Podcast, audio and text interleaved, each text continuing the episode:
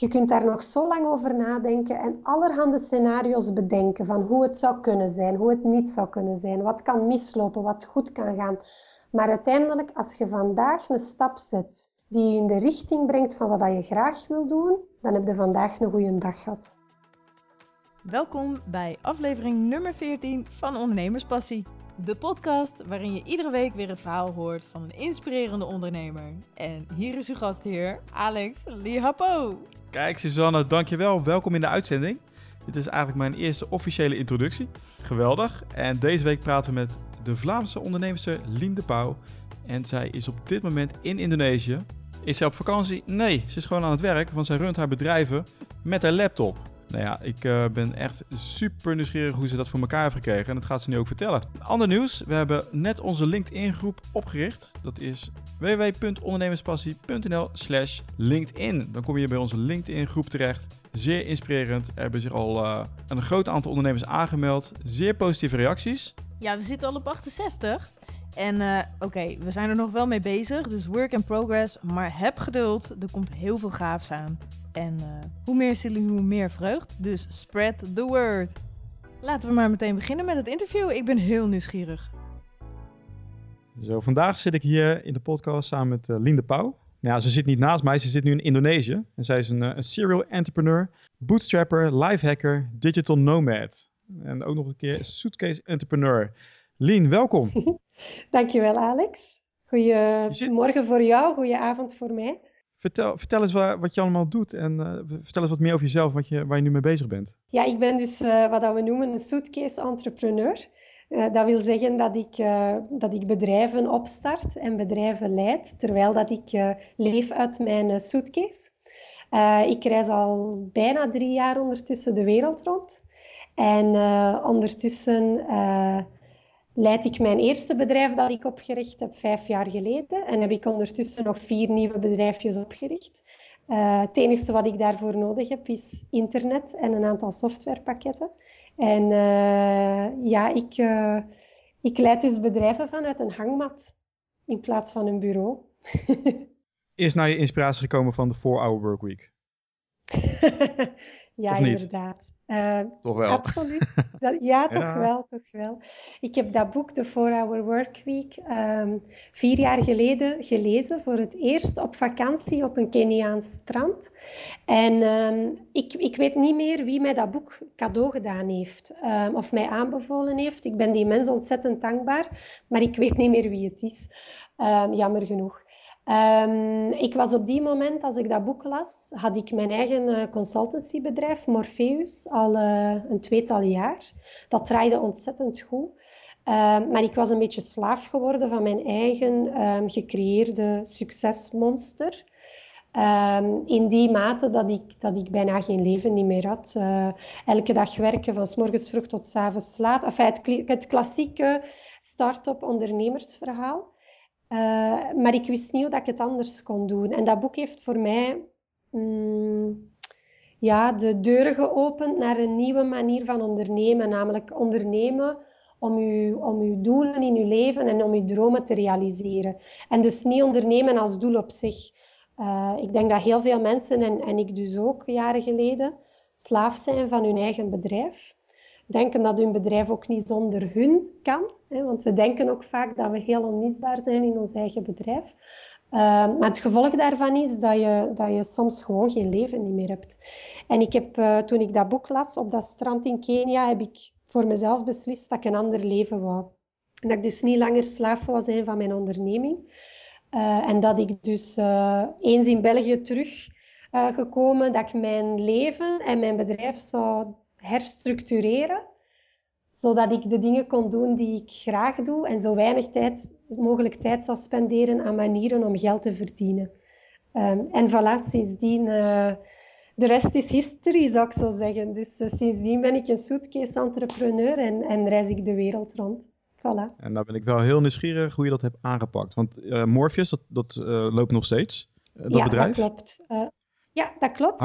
heb je personeel, heb je personeel in dienst? Op dit moment niet. Dus op, op ja. het moment dat ik uh, in Kenia was, had ik personeel in dienst. Uh, alles erop en eraan. Hè. Dus personeel en kantoor en bedrijfsauto's en ja, alles wat dat bij een bedrijf komt kijken. alle, alle plezierige dingen, maar ook alle, alle lasten die daarbij komen.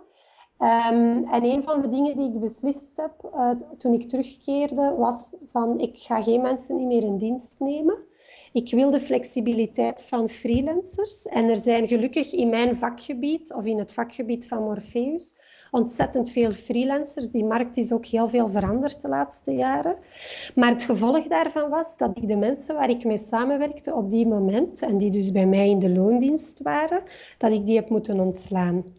Um, ik heb hen wel de mogelijkheid geboden om, als freelancer um, bij Morpheus te komen werken. Uh, maar dat was dus niet zomaar een heel makkelijke oefening om te doen. Maar ik wist dat dat nodig was om, um, om Morpheus meer flexibel te maken. Uh, ik heb ook het contract van het, van het kantoor opgezegd. Uh, dus er waren een heleboel consequenties aan dat bedrijf reorganiseren. Um, dus meer flexibeler maken over het reduceren. Uh, maar daarnaast ook van mijzelf proberen onmisbaar te maken hè, in mijn bedrijf. Dus ik heb bijvoorbeeld ook iemand, uh, een freelancer, uh, beginnen aan, dus samenwerken met een freelancer, die bijvoorbeeld al het business development werk doet. omdat ja, als ik natuurlijk heel de tijd weg ben, dan, dan kan ik niet veel business development doen. Ook omdat in de consultancywereld, wat dat een wereld is die, die al uw opdrachten staan of vallen met uh, vertrouwen. Uh, wat wil zeggen dat heel veel werk, maar ook heel veel sales nog altijd face-to-face gebeurt. Um, dus consultancy, B2B consultancy, is de allermoeilijkste business, heb ik zelf ervaren, om eigenlijk remotely te managen. Uh, de bedrijven die ik daarna heb opgericht, zijn veel makkelijker te managen van, van eender waar ter wereld. Maar consultancy is heel moeilijk. Uh, heel praktisch. Hè? Als, als klanten mij vragen bijvoorbeeld om uh, een opleiding te geven, dan willen zij nog altijd dat je fysiek ter plaatse komt. dus je kunt niet zomaar dat doen van op afstand. Dat is onmogelijk, omdat dat nu eenmaal nog altijd part is of the deal. Um, dus uh, ja, goed, Morpheus Consultancy is niet de meest makkelijke business om, om remotely te managen. Het gevolg daarvan is geweest toen ik die beslissing heb genomen, en ik ga daar ook hier eerlijk van zijn, mijn, mijn omzet is gehalveerd hè, sindsdien. Um, dat is de consequentie daarvan geweest. Niet alleen minder omzet, maar ook lagere winstmarges. Um, omdat ik dus uh, ja, met freelancers ben beginnen samenwerken en dat vreet aan uw, aan uw winstmarges. Uh, maar ik heb er natuurlijk veel voor teruggekregen en dat is voor mij de moeite waard geweest. Maar ik denk dat dat wel belangrijk is voor mensen om te realiseren dat dat wel met een kost gepaard gegaan is. Uh, maar ik was bereid om die te betalen, dus voor mij is dat oké geweest. En op welk punt dacht je, ik ga de wereld rond? Want daarvoor kon dat helemaal niet. Hè? Je zat vast aan, aan, de Morpheus, je kon niet weg. Zat het, was het je visie van, oké, ik ga zorgen dat alles, uh, ja, dat heel veel geoutsourced wordt. Ik ga uh, downsizen om de wereld rond te kunnen gaan. Was dat je doel ook toen? Ja, dus als ik die trip gedaan heb, die maand uh, naar Kenia, um, toen op die moment had ik het gevoel van, ik wil eigenlijk iets anders in mijn leven. Ik was, ik was slaaf van mijn bedrijf, maar voordat ik Morpheus had, was ik ook slaaf van mijn carrière. Um, ik had ook jaren daarvoor in, uh, in een aantal internationale bedrijven gewerkt en mooie carrière gemaakt. En ik had in al die jaren eigenlijk nooit echt kunnen reizen. Um, terwijl dat ik dat daarvoor als student wel heel veel gedaan had. En um, toen in Kenia heb ik beseft, ik wil dat terug meer kunnen doen. Omdat, weet je, ik geloof heel veel in hoe reizen u als individu kan vormen. En er zijn zoveel lessen die dat je leert als je reist. En zeker de manier waarop dat ik reis, wat dan nogal vrij low budget is. En ook, ik reis heel vaak alleen. Er zijn ontzettend veel lessen die dat je daarvan kan leren, waardoor dat, dat je een sterkere ondernemer wordt, maar ook een veel volledigere persoon als individu. Um, en ik vind dat belangrijk um, om jezelf als persoon eigenlijk continu verder te ontwikkelen en te blijven groeien. En dat komt ten voordele van alle activiteiten die dat je doet. Hè. Is het dan een bedrijf runnen of een bedrijf opstarten of, of andere zaken die dat je doet in je leven. Ehm, voor mij is reizen een heel goede manier om geprikkeld te zijn en om dingen te leren, om opportuniteiten te ontdekken. En toen dat ik in Kenia was, heb ik beseft van ik wil dat terug meer doen. Voilà. En dan was het een, een kwestie van manieren te zoeken om dat te kunnen doen. Dus op een gegeven moment, uh, hoe ging dat? Morpheus liep, eh, je, kon, uh, je kon weg. En wat is er toen gebeurd? Ben je toen meteen begonnen met die andere bedrijven? Nee, ik ben, ik ben beginnen reizen. Ik, ik beheerde dan Morpheus um, vanuit de hangmat. En dat liep vrij vlot. Maar ik heb toen gedacht, ik denk, ik weet niet of dat ik wil blijven ondernemen. Ik weet eigenlijk niet of dat, dat iets voor mij is. Um, dat was allicht een soort van gek waanbeeld of zo op die moment. Um, maar ik wist toen niet. Um, ik had een heel zware prijs betaald voor dat ondernemen. En, en ik zat in een periode waarvan dat ik me afvroeg van, is dat eigenlijk wel iets voor mij? Ik heb ook daarna nog zo'n periodes gekend, ook, maar niet zo intensief als dat eerste jaar dat ik aan het reizen was. En um, het is eigenlijk maar gaandeweg gekomen na, na acht, negen maanden on the road te zijn, dat ik terug goesting kreeg uh, om iets te ondernemen. Uh, niet noodzakelijk met de bedoeling voor een nieuwe onderneming, maar wel om iets te doen. Um, ik ben dan met een, met een blog begonnen, een, een foodblog en een reisblog. En die begon dan lekker te lopen. En dan dat ondernemersbeest in mij, dat kwam dan terug naar boven. Hè. Uh, ja. Goesting om, om van die reisblog iets meer te maken dan eigenlijk een online dagboek ja, misschien kan ik dat wel verder professionaliseren en misschien kan ik daar wel voor gesponsord worden of misschien kan ik... Enfin, dat was weer een hele race van opportuniteiten die zich aandienden. en toen heb ik beseft van ja, oké, ondernemen, dat is mijn traject. Um, dat is wat dat ik moet doen, dat zit in mij. En, en ik kan doen alsof dat het niet bestaat voor een tijdje. En ik kan ook die ondernemersdrang voor een tijd op een laag pitje zetten. Maar eigenlijk ben ik gewoon een ondernemer. Ik kan daar niks aan veranderen. Ah, het is ook niet heel erg hoor, om dat te zijn. Nee, helemaal niet. Uh, pas op, nee, bij momenten vind ik dat wel erg hoor. Uh, of niet erg, maar wel lastig. Omdat ik ben iemand die... Ik zie heel veel opportuniteiten. Laat mij, laat mij drie dagen in een plaats rondlopen en ik heb, ik heb zeven ondernemersopportuniteiten vastgesteld. En dat is behoorlijk vermoeiend. Uh, um, dat is niet altijd even plezant. Overal zie je kansen. Ja, voilà. En, en dat is niet altijd even fijn, want, want um, ik moet mezelf daardoor ook bedwingen om, niet, om daar niet altijd op in te gaan en, en daarop in te springen.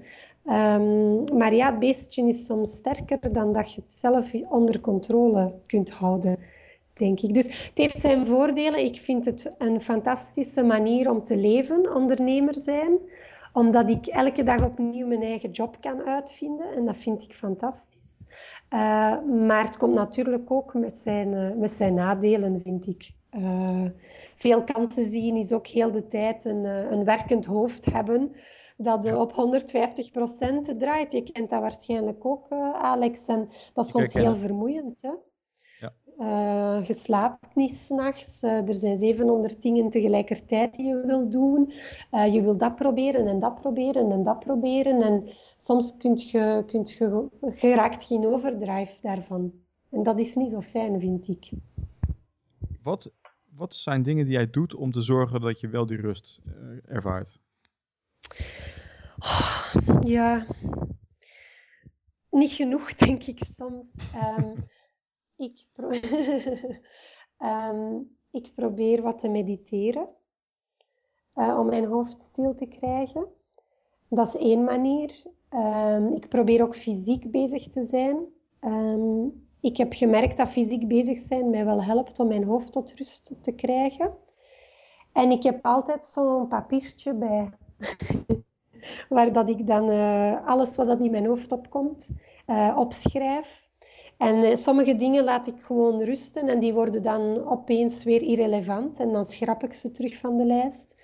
Sommige dingen die blijven terugkomen en dan denk ik, oké, hier ga ik iets mee, mee aanvangen.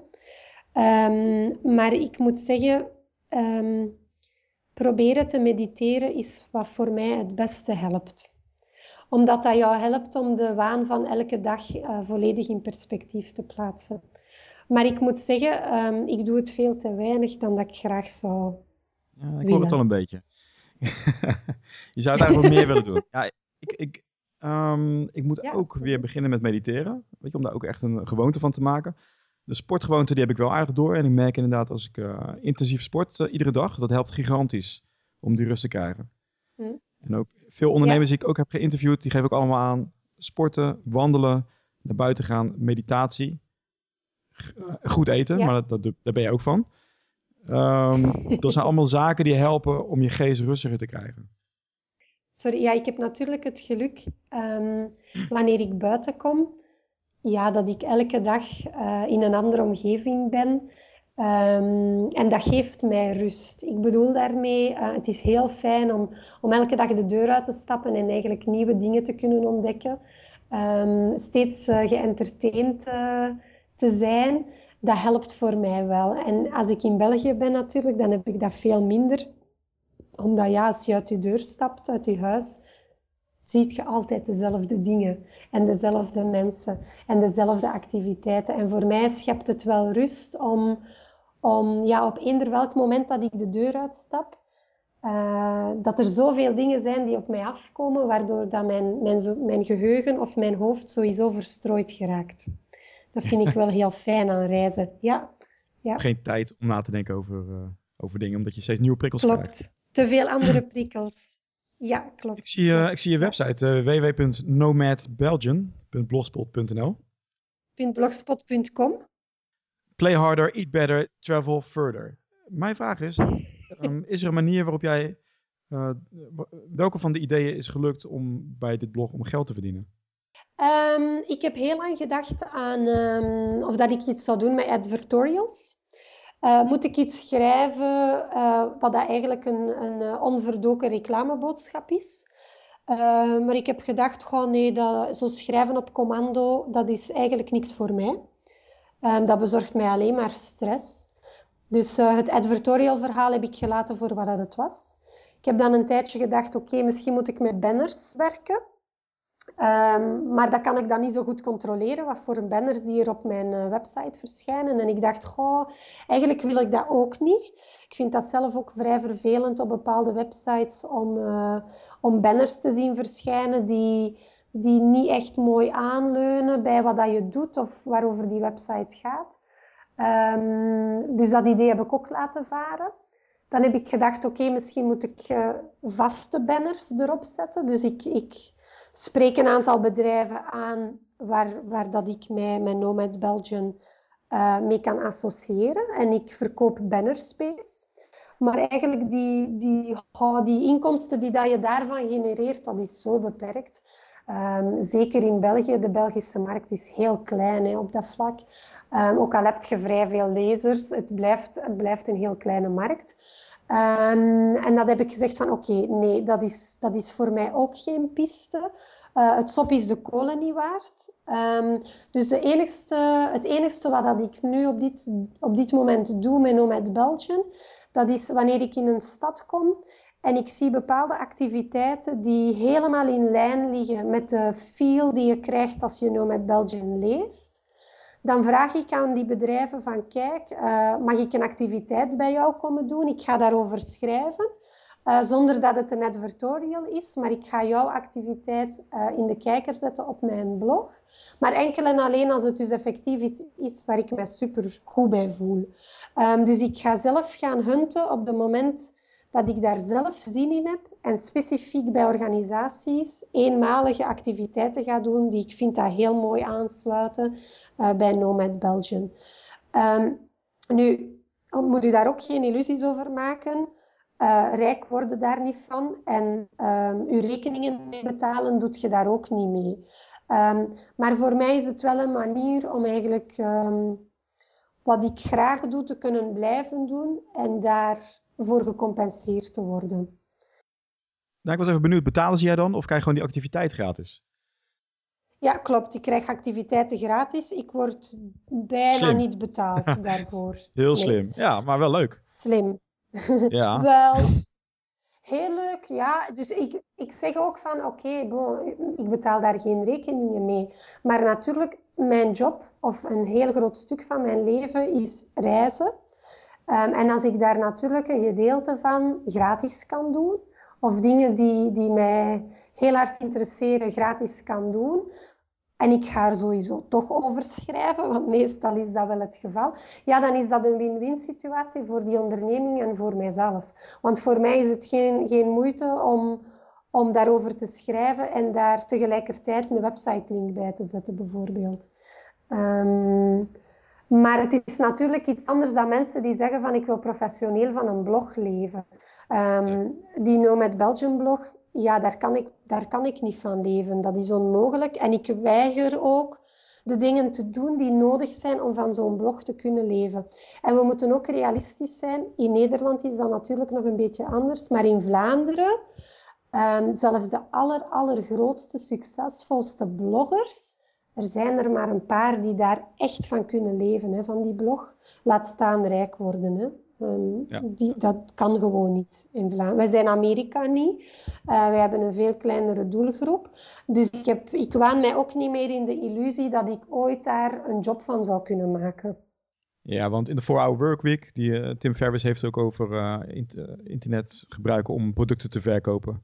Waardoor je eigenlijk bijna helemaal niets meer hoeft te doen. Mm maar het is voor jou uh, dat helaas in, in Vlaanderen niet? Um, goh, ik denk dat een blog natuurlijk nog iets anders is dan een webshop. Hè? Of dan, dan een bedrijf op poten zetten dat je volledig kan laten draaien zonder jouzelf.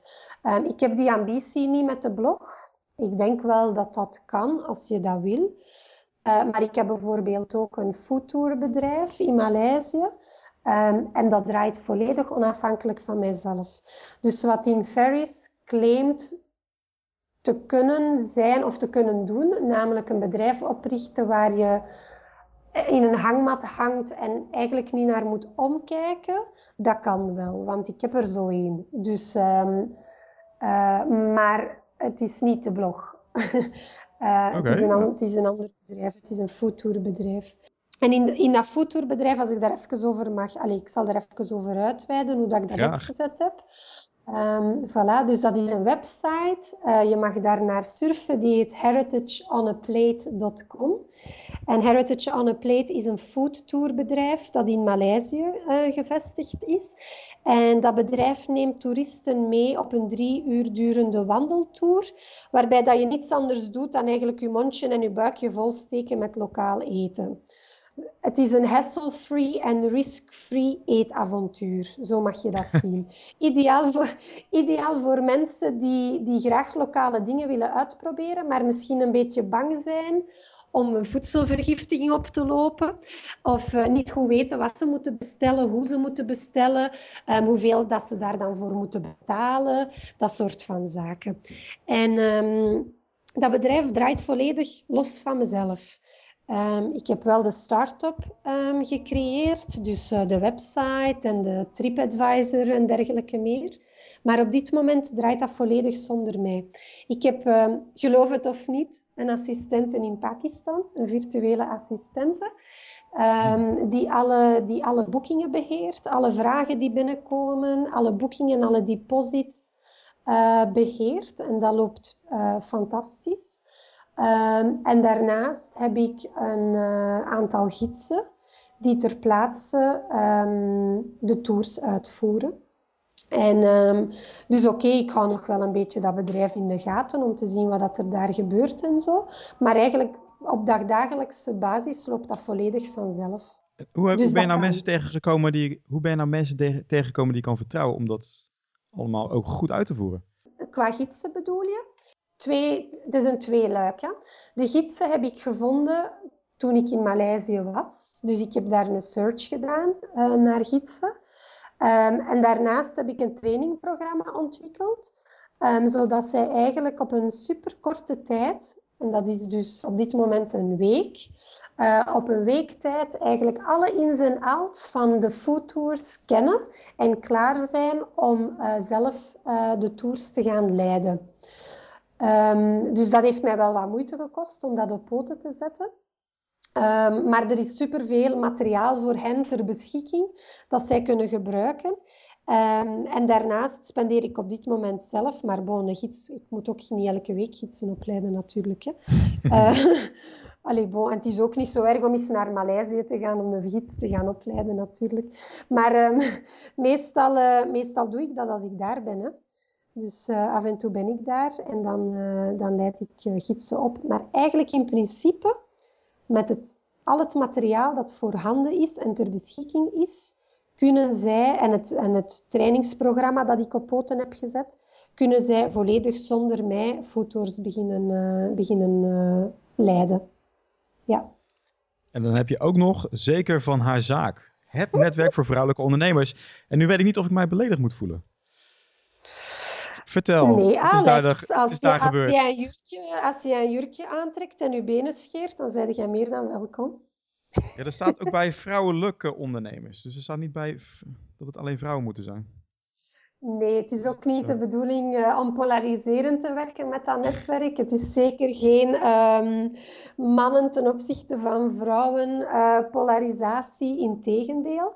Um, het net, ik heb het netwerk opgericht en heel specifiek naar vrouwen getarget, omdat er op dit moment eigenlijk in de markt van de ondersteuningsmaatregelen voor vrouwen en vrouwelijke ondernemers eigenlijk niks is wat specifiek voor vrouwen is. Um, nee, dat is niet waar. Er is één netwerk in Vlaanderen dat zich specifiek op vrouwen richt, um, maar die een, op een heel ouderwetse manier en op een bijna seksistische manier eigenlijk vrouwen benadert. Ik miste dus op de markt iets ja, waar vrouwen konden thuiskomen, waar vrouwelijke onderneemsters die wat meer schwung hebben en een beetje rock and roll zijn, pittig zijn, um, hun draai konden vinden. En um, ik, ik, ben wel heel nieuwsgierig dan als man zijnde, wat dan die andere benadering is. Ja, en niet kijk, gewoon normaal uh, gewoon een netwerk van mannen en vrouwen. Waar, waar zit dat hem in? Ja, wel, um, het is dus zo ik heb, wij hebben met Zeker van haar zaken een enquête afgenomen om dat te bevestigen. Maar ik had eerder ook al een studie gelezen rond vrouwelijk ondernemerschap in Vlaanderen. En wat bleek daaruit? Ja, enerzijds, we zijn ondervertegenwoordigd in de statistieken nog altijd. Er zijn nog altijd minder vrouwelijke ondernemers dan, dan mannelijke ondernemers. Um, maar als je kijkt naar waarom vrouwen niet ondernemen of waarom vrouwen ondernemen niet als een carrière zien voor zichzelf, dan zijn die redenen heel anders dan bij mannen. De grootste reden waarom dat vrouwen niet ondernemen is omdat ze bang zijn dat ze niet goed genoeg zijn. Nu, mannen zeggen mij vaak, maar ik denk dat ook dat ik niet goed genoeg ben. Maar meestal gaan mannen dat niet zo expliciet uitdrukken. Terwijl vrouwen echt wel behoefte hebben... Nee, dat doen wij niet. Nee, dat doen jullie niet. Voilà. Enfin, sommigen van jullie doen dat wel. Maar vrouwen in ieder geval hebben veel meer de noodzaak om eigenlijk die angst van onvoldoende te zijn of niet goed genoeg te zijn, om die te kunnen uitdrukken. En ook gelijkgezinden te vinden die dat kunnen beamen dat zij dat ook hebben. En wij vrouwen, wij zijn groepsbeesten. Um, wij, zijn, wij zijn zeer sterk in het uh, socializen met elkaar. En um, we hebben heel vaak behoefte aan bevestiging van anderen. Um, we kunnen daarover vinden wat dat we willen, of dat dat dan goed is of niet goed is. Ik, ik heb daar geen waardeoordeel over. Dit is voor mij gewoon iets wat ik vaststel. En ik zie dat ook binnen de leden van ons netwerk. Er is heel veel behoefte aan bevestiging uh, van vrouwen naar vrouwen toe. Um, en we willen heel specifiek daarop inspelen. Dus de dingen waar vrouwen zo bang voor zijn, die willen we benoemen. En die willen we um, niet alleen benoemen, maar ook een platform bieden en kennis aanbieden, waardoor dat ze zich zekerder gaan voelen. En waardoor dat ze meer vertrouwen en zelfvertrouwen gaan creëren, waardoor ze betere ondernemers gaan worden. En als ik kijk naar heel wat ondernemersnetwerken. Ik kan niet voor Nederland spreken, want ik ken die markt minder goed. Hè. Maar in België bijvoorbeeld, een ondernemersnetwerk, als je daar naartoe gaat, 80% is nog steeds mannen. Um, dat is behoorlijk intimiderend. als je kijkt naar de sprekers die daar dan vaak zijn op die events, dan zie je ook nog altijd dat dat heel vaak mannen zijn. Er zijn heel weinig rolmodellen ter beschikking, spijtig genoeg, hè, want we zijn 2015. Uh, maar toch zien we nog zeer weinig vrouwelijke rolmodellen. Um, en dat is iets waar vrouwen ontzettend veel behoefte aan hebben. Oh, die doet dat ook. En die is eigenlijk een beetje zoals ik. Dus als zij dat kan, dan moet ik dat ook kunnen. Um, en dat is iets waar we heel veel op inspelen met Zeker van haar zaak. Die vrouwelijke je... naar voren schuiven. Ja, en het leuke is, het is ook heel, um, zoals, ik, zoals bij mij overkomt, heel actiegericht. Heel veel clinics en allemaal onderwerpen waarvan ik denk, ja, daar heb je eindelijk wat aan. Daar heb je gewoon wat aan. hoe bouw je een website? Hoe leer je klanten kennen? Hoe ga je om met, uh, met de war, warboel in je hoofd? Hè, wat je net ook zei. Hoe word je rustiger? Dus heel veel, uh, heel veel clinics. Een crash course zie ik ook nog eens een keer. Klopt. Dus dit is, dit is hè, voor de mensen die luisteren, dit is echt niet van dat we bij elkaar gaan zeggen van je hoeft niet bang te zijn. Dit zijn echt wel actie. Nee. Nee, acties dat klopt. Uh, dus onze doelstelling is om eigenlijk die angst weg te nemen. En er zijn een aantal dingen die we zeer concreet doen daarvoor. Hè. Dus de crash course is er daar één van. Die is nu bijna op, zich, op zijn einde gelopen. Tien weken lang, elke woensdag, één blogpost. Die heel specifiek gaat rond thema's waar starters mee te maken krijgen. Uh, bijvoorbeeld... Um, een van de dingen waar we het over hebben is um, hoe bepaal je je start-up budget? Maar bijvoorbeeld ook, want dat, is een, een, dat vind je terug in allerhande netwerken, denk ik. Maar waar we het ook over hebben, is hoe is geld gekoppeld aan emotie? Dat is iets wat je heel weinig ziet terugkomen in de klassieke netwerken. Nochtans is emotie een ontzettend belangrijke drijfveer in welke omzet dat we halen of net niet halen. En heel veel mensen zijn zich daar niet bewust van. Ehm, ik noem dat een beetje een vrouwelijkere benadering van ondernemen, om net die emotionele kant van ondernemen eigenlijk uh, mee in de spotlights te zetten. Dus we hebben die crash course en dan inderdaad een aantal zeer praktisch gerichte clinics. Hoe moet je een webshop maken, um, die trouwens volgende week woensdag plaatsvindt. Maar ook uh, hoe schrijf ik een persbericht, hoe zet ik mezelf als merk uh, in de markt. Dus een aantal heel praktische, praktische clinics. Nu, wij zijn nog maar begonnen sinds half februari, dus zeker van haar zaak bestaat nu drie maanden.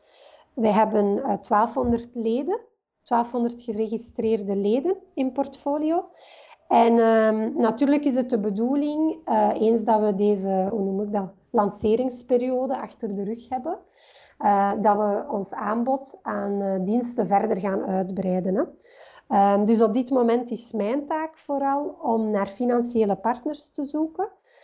Die ook geloven dat vrouwelijk ondernemerschap een ontzettend onontgonnen potentieel is, nog steeds vandaag de dag. Um, zodat we nog een aantal supercoole dingen kunnen uitwerken hè, in het najaar. Een van de dingen waar we op dit moment mee bezig zijn, Alex, dat is Vettige Vrijdag. En uh, op Vettige Vrijdag komen vrouwen bij elkaar, one-to-one. -one. Uh, op eender welke frituur of snackbar. Uh, waar ze samen gaan lunchen met elkaar en uh, het businessprobleem waar ze die week op zitten kouwen met elkaar bespreken. Um, dat is Vettige Vrijdag. Gelanceerd door een van, onze, een van onze leden binnen het netwerk en een gigantisch succes. Dus elke, elke vrijdag over heel Vlaanderen uh, kan je dus op vettige vrijdag. Uh, op vettige vrijdag en alle snackbars die zijn heel blij met jou. Absoluut. En op dit moment ben ik dus sp sponsor in de snackbars aan het zoeken. Ja, ja, ja. Goeie. Dat dacht ik al. ja. ja, voilà. Ja. Je bent een ondernemer of je bent het niet. Celine, heb je nog een paar minuten? Want we zijn wel over het half uur heen gegaan. Heb je nog even? Ja, absoluut. Ja. Qua tijd? Ah, gelukkig. Ja. Zeg, want ik wil jou nog, uh, nog een vraag stellen over eh, bepaalde... Hè, je, je, krijgt veel voor elkaar. Je hebt een aantal ondernemingen. Zijn er rituelen waar je jezelf aan houdt, waardoor je dus uh, meer voor elkaar krijgt? Je gaf al aan, uh, meditatie. Nog niet helemaal. Maar zijn er dingen die je structureel doet, waardoor jij je dag gewoon goed begint en afsluit? Nee. Sorry. nee, eigenlijk niet. Um, Integendeel, uh, ik ben een heel slechte planner. Uh, ik doe heel veel dingen ad hoc vanuit mijn buikgevoel, waardoor dat ik soms niet de consequenties zie van mijn daden vandaag op langere termijn. Um, ik heb natuurlijk het geluk dat ik een doorzetter ben. En ik ben wel iemand, als ik aan iets begin, dat ik het ook pas zal loslaten op het moment dat ik vind dat mijn taak afgerond is. Ehm, dat is maar dat is eerder een karaktertrek. dat is niet zozeer een bepaalde discipline die ik mijzelf opleg. Ik heb dat van, van in mijzelf um, om dat te doen. Dus ik ben een, um, uh, een doorzetter die pas stopt met, een, met mijn aandacht aan iets te geven als ik de globale lijnen ken van hoe iets in elkaar zit. Um, ik ben dus geen complete finisher, dat wil ik wel even duidelijk stellen. Ik ben geen detailist. Um, ik ga ook dingen niet tot in de puntjes uitwerken, dat interesseert mij niet. Um, maar ik ga wel iets op poten zetten dat draait. Dat kan draaien zonder mijzelf. Maar ik heb helemaal geen rituelen die mij helpen om dat te doen. Dus het spijt mij, maar ik kan hier geen um, million dollar tip geven aan uw luisteraars. Vooral die mensen die nu denken van hoe doet ze dat nou? Want hoe zorg je nou dat je wel op een dag doet wat je wil doen? Ga vandaag beginnen met te doen wat dat je wil doen. Dat is waar hoor. Je kunt, je kunt elke dag opnieuw nadenken over wat je zou moeten doen om te kunnen doen wat je graag wil doen. Maar eigenlijk is het gewoon een kwestie van doen. Je kunt daar nog zo lang over nadenken en allerhande scenario's bedenken van hoe het zou kunnen zijn, hoe het niet zou kunnen zijn, wat kan mislopen, wat goed kan gaan. Maar uiteindelijk, als je vandaag een stap zet die je in de richting brengt van wat je graag wil doen, dan heb je vandaag een goede dag gehad. That's it. dat, dat klinkt enorm goed en ik ben het er zeker mee eens. En al die afleiding dan? Hoe ga je daarmee om? Goh, ik, ik, ik heb geen afleiding. Um, ik bedoel daarmee, het is maar hoe dat je daar naar bekijkt, naar, naar, naar kijkt, naar afleiding. Ik doe ontzettend veel dingen in een dag. Um, ik ga, ik ga, s ga ik gaan surfen en dan, dan heb ik een Skype-call. Dan zit ik op sociale media voor het ene bedrijf. Dan switch ik naar de inbox van het andere bedrijf. Dan ga ik smiddags in een eetstalletje iets gaan eten. Misschien dat ik dan een dutje doe in een hangmat. Nu, je kunt bepaalde dingen dan afleiding noemen. Um, of distractors of zo. Maar ik vind dat helemaal niet zo. Um, al die dingen die ik doe doorheen de dag, die hebben een nut. Um, en misschien beschouwen veel mensen bijvoorbeeld ja, twee uur op Facebook zitten. Um, dat is niet productiviteit. maar ik ben het daar niet noodzakelijk mee eens. als je daar dingen kan uithalen die jou later gaan helpen om iets te doen, dan is dat de moeite waard geweest. en ben je drie uur aan het knutselen aan iets bijvoorbeeld en denkt dan van godverdomme, ik had eigenlijk dat of dat of dat moeten doen, die een e-mail beantwoorden of die klant moeten opbellen. Ik geloof erin dat dat een nut heeft gehad, dat knutselen. Dat is nodig geweest. Um, en wij zijn professioneel geconditioneerd om heel de tijd productief te zijn, om aan time management te doen, um, om zoveel mogelijk gedaan te krijgen in een dag. Maar ik geloof niet in dat model. Uh, wij worden daar super anxious van. Um, het is nooit genoeg geweest. Het is nooit voldoende geweest. We hebben niet gedaan wat dat op ons to-do-lijst zat. Nu hebben we gefaald. Het is een slechte dag geweest. Wij leggen ons daar zoveel druk mee op ons schouders, die eigenlijk volgens mij helemaal niet nodig is. Um, maar zo dat streven naar je moet productief zijn en je moet dat doen en je moet dat doen, dat werkt gewoon niet op langere termijn. Um, ik geloof daar niet in. Ik doe elke dag nooit niks omdat ik het moet doen. Um, nee, ik geloof daar niet en het En het bewijs, de proof is in the pudding, wat je, wat je zelf ook op een van je websites schrijft. Jij, ja, je hebt het allemaal wel voor elkaar, dus het werkt. Ja, Althans, het, het werkt, werkt, Het werkt voor jou. Dus ja, voor iedereen die zegt, nee, je moet een to-do-list eh, hebben. Of je moet per se in de ochtend dit doen. Ja. Haal die druk voor jezelf. Haal die druk voor jezelf. Ik heb, ik heb ook jarenlang... Ik ben ingenieur van studies, hè, Alex. Dus ik moet u niet vertellen wat voor een geconditioneerde mind uh, dat ik heb. Um, dus ik heb jarenlang gewerkt met de to-do-lists en alles stond in mijn agenda gepland en met kleurencodering en ik had steekkaarten en alles zo, hey, al, al dat soort van technische snufjes. Maar dan staat op s morgens en dan denkt je van, shit jong, ik heb ik daar eigenlijk geen goesting in om dat vandaag te doen. En ja, jezelf dan liggen forceren om dat dan toch maar te doen, dat is toch super onproductief en onefficiënt tot en met. Ehm, ik geloof erin, als je, als je iets doet op het moment dat je er goesting hebt om het te doen, och jongens, dan kun je de wereld verzetten op een uur. Dan en dan zit je alleen maar tegen te werken. Ja. Ja, in plaats van jezelf altijd maar te forceren van ik moet nu dat doen en ik moet nu dat doen. En dat vind ik het grote, dat is een van de grote problemen, denk ik, dat heel veel mensen mee worstelen als ze dus een job hebben in een bedrijf. Ja, ze moeten dingen doen en ze moeten daar om 8 uur 30 zijn en ze moeten in die meeting gaan zitten en ze moeten dat en ze moeten dat. En dat is zo onproductief. Um, en mensen, ja, niet moeilijk dat je daar een bore-out van krijgt, of een burn-out van krijgt, of een depressie van krijgt. Dat is het dus ja, als je het niet krijgt. Ja. maar als je het niet krijgt, dan functioneer je heel goed in zo'n systeem. En dan zou ik zeggen, probeer alsjeblieft niet het, het leven te leiden dat ik leid. Want dan ga je daar doodongelukkig van worden. Maar als je het gevoel hebt dat je een draai niet vindt in die corporate world, dat je passies niet kunt uitleven, dat de skills die dat je hebt niet ten volle kunnen benut worden... Um, dat je beter productief bent van 8 tot 10 s'avonds dan, dan van 10 tot 12 s morgens ja, dan is een, een, een 9-to-5 job in een bedrijf misschien niet de piste voor jou die weggelegd is.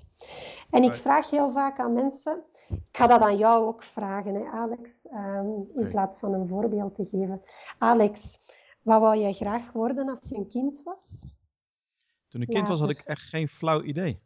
Mm Zo, en heb je, dan vandaag, heb je dan vandaag de dag als ondernemer een, een voldoening mijn doel is om uh, met podcasting verder te gaan. In, uh, met coaching en uh, daarin nog producten aan te bieden. En dat is wel iets wat ik.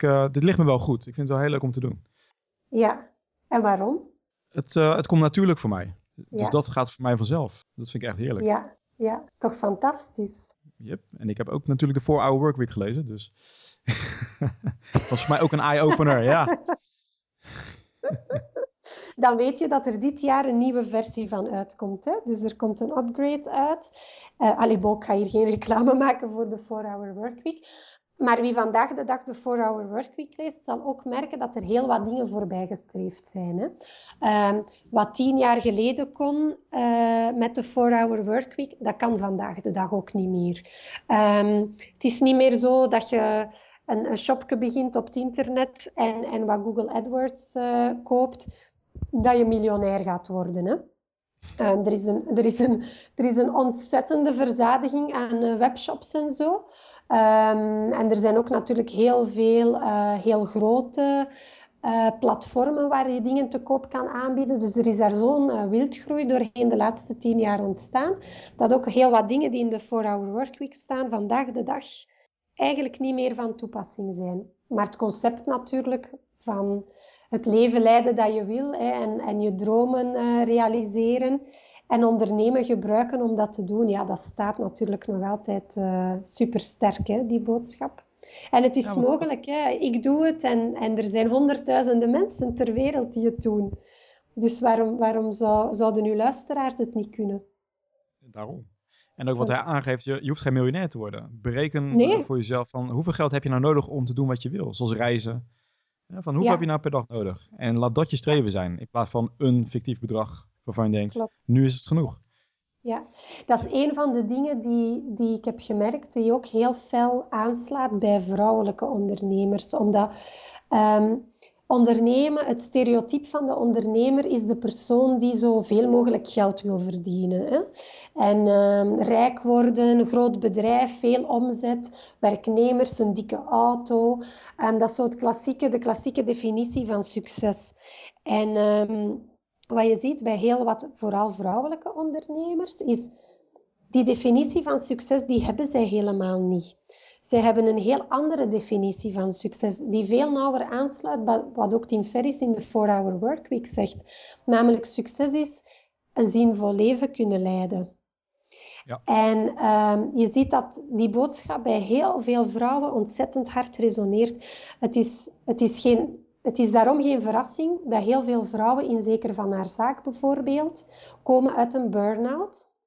Of zijn jonge moeders bijvoorbeeld. Mensen die een verandering hebben doorgemaakt in hun leven, waardoor dat ze zich vandaag de dag de vraag stellen van hoe wil ik nu mijn, echt mijn leven gaan leiden?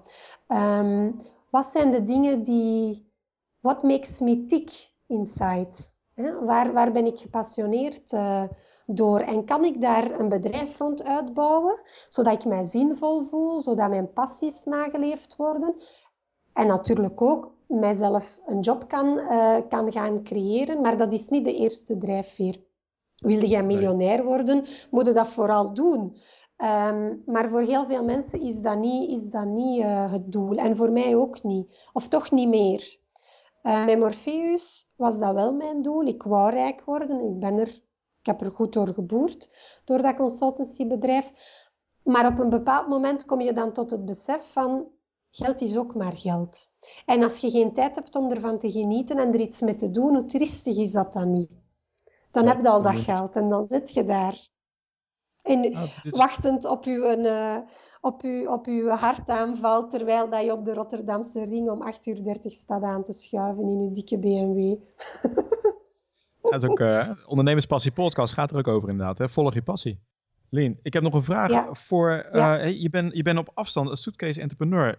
Kan je ons wat inzicht geven in programma's die je gebruikt om dat allemaal goed te kunnen managen? Um, alles wat dat van sociale mediakanalen ter beschikking is, uiteraard, om met iedereen in contact te blijven. Ik gebruik heel veel WhatsApp, heel veel Facebook Messenger en zo, om, uh, om te aligneren. Um, uh, met mijn teams overal ter wereld. Uiteraard gebruik ik Skype, maar ik denk dat dat op termijn natuurlijk gaat vervangen worden. zeker dan nu WhatsApp, dat je met WhatsApp gaat kunnen bellen.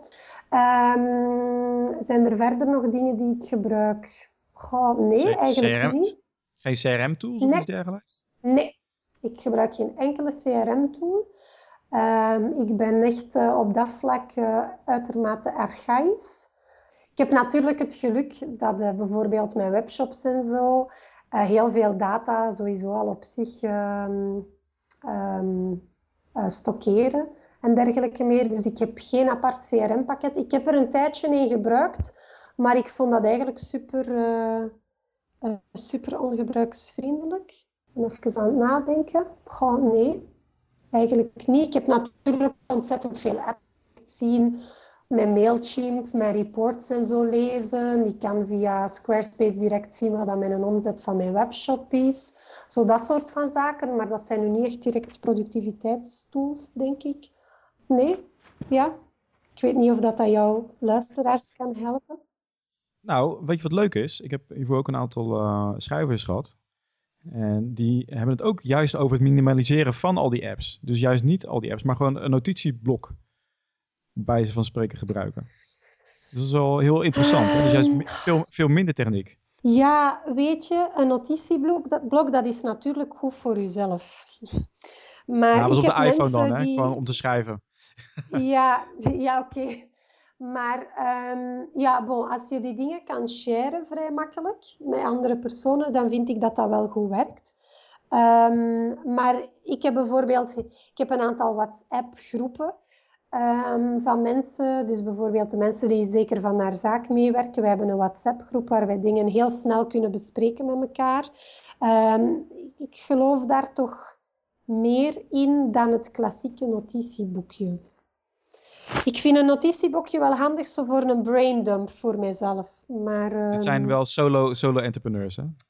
Ja, voilà. Dus ja, dan, dan werkt dat wel. Ik bedoel, ik heb ook een, een, een, een digitale memoblok en zo op mijn, op mijn gsm. Uh, omdat ik zo wel probeer papieren briefjes te vermijden, zoveel mogelijk. Uh, maar dat werkt natuurlijk alleen maar als je op je eigen eiland zit. Maar als je met medewerkers zit, dan ga je toch andere communicatiekanalen moeten, uh, moeten aanbreien. Hè? Dus, uh, maar ik, gewoon een WhatsApp-groep, ja. Facebook, gewoon die tools gebruiken. En Squarespace. Ja, um, ja, ja Patty hm? Rolstein, die, die ik heb, heb ik pas gesproken ook, die gebruikt ook Squarespace in plaats van WordPress.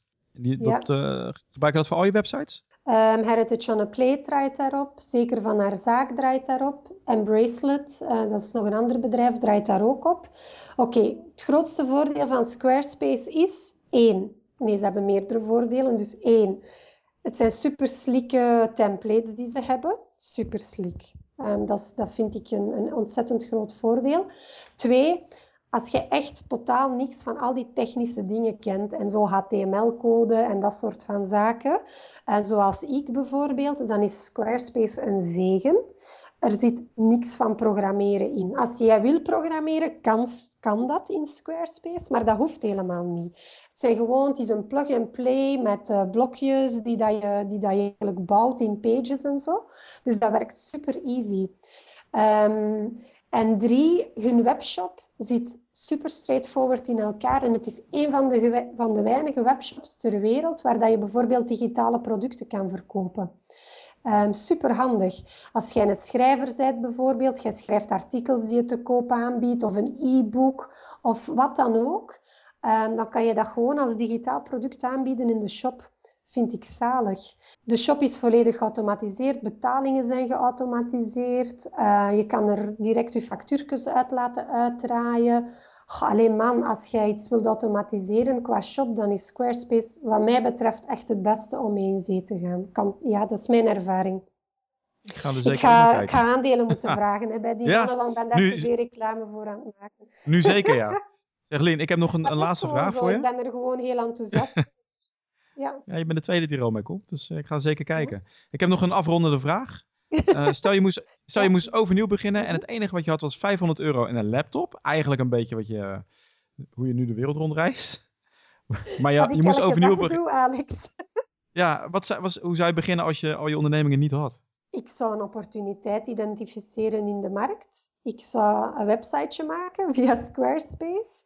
Um, eventueel met een shop eraan vast of niet. Dat hangt er vanaf wat ik zou aanbieden. En voilà, ik zou beginnen verkopen. That's it. Ja, het is voor jou ook gewoon wat je zei. Hè? Je, hebt, je ziet nu al, al die kansen. Dus het is meer een kwestie van uh, jezelf tegenhouden in plaats van iets bedenken wat je zou kunnen doen. Dat is wel heel mooi om. Uh, ja. Nu, ik denk dat iedereen, iedereen, iedereen, heeft een, heeft een, uh, iedereen heeft een passie. Um, en iedereen heeft een, uh, iets waar dat hij goed in is. Um, verkoop dat. Kijk of dat er mensen zijn die daarin geïnteresseerd zijn. Dat mocht je absoluut niet vergeten, hè, want veel beginnende ondernemers vergeten dat. Um, maar als je kan combineren waar jouw passie ligt, waar jouw vaardigheden liggen en waar dat de markt naar vraagt, you're a winner. Geweldig. Dus, uh, en dat hoeft allemaal niet zo moeilijk te zijn. Ik... Leuk is dat. Zeg, ik vond het echt een heel leuk. Ik vond het echt, ja, ik vond het, het is gewoon doen. Gewoon doen en ja. Heel... Echt heel Gewoon doen, ja, voilà. Het is wat ik eerder ook al zei, Alex. Um, als je vandaag iets doet wat dat je dichter brengt bij wat dat je als droom wil realiseren, dan is het een goede dag geweest. En is uw droom om een webshop te hebben? Nou wel, dan moet je misschien vandaag beginnen om er een online te brengen. Ja, gelijk beginnen. Hoeft niet lang te duren. Toevallig ook bekend met Tony Robbins? Gelijk beginnen, ja. Ik zeg, ben je ook eh, bekend met Tony Robbins? Nee. Niet? Oké. nee. Dat is ook een Amerikaanse goeroe die zegt het ook van begin gewoon uh, met, met een, een, kleine stap, ook wel eens maar iets kleins, om je dichter bij het doel te brengen. Ja, absoluut. Dat, uh, zijn mooie woorden. Ja. Hoe, ja. hoe kunnen mensen het beste met jou in contact komen? Um, hoewel ze kunnen mij een e-mail sturen. Uh, mijn e het e-mailadres dat ik elke dag check is liendepau.hotmail.com. Dat is L-I-E-N-D-E-P-A-U hotmail.com, liendepau.hotmail.com. Ik zou zeggen, je kunt mij proberen telefoneren, maar dat gaat niet lukken, want ik heb elke week een ander telefo telefoonnummer, afhankelijk van het land waar ik zit. Dus uh, gooi, uh, gooi je mij een mailtje en uh, ik, eh, binnen de 24 uur ga je iets van mij horen. Ik zal ook alle, alle linkjes zal ik ook op de website plaatsen. Nou, ik, ik zou zeggen, je zit nu in Indonesië. Ja, heel, het is, bij jou was het ochtends, of niet? Of avond? Nee, het is hier op dit moment, uh, ik denk, uh, eventjes kijken, zes uur s'avonds. Ja, dus ja, uh, het is tijd om een terrasje te gaan doen. Geniet ervan en ik denk dat heel veel mensen jaloers op je zijn en heel geïnspireerd zijn geraakt door de boodschap die je nu vertelt. Dat is heel graag gedaan. nou, dat was echt weer een hele gave aflevering. Meer informatie kun je vinden in de show notes op www.ondernemerspassie.nl En als je een review wil achterlaten op www.ondernemerspassie.nl slash iTunes, dan worden wij helemaal gelukkig. Super gelukkig, dus uh, niet vergeten. En uh, neem ook eens een kijkje op onze LinkedIn groep. Tot volgende week, waarin we praten met... Dat hou ik nog even aan.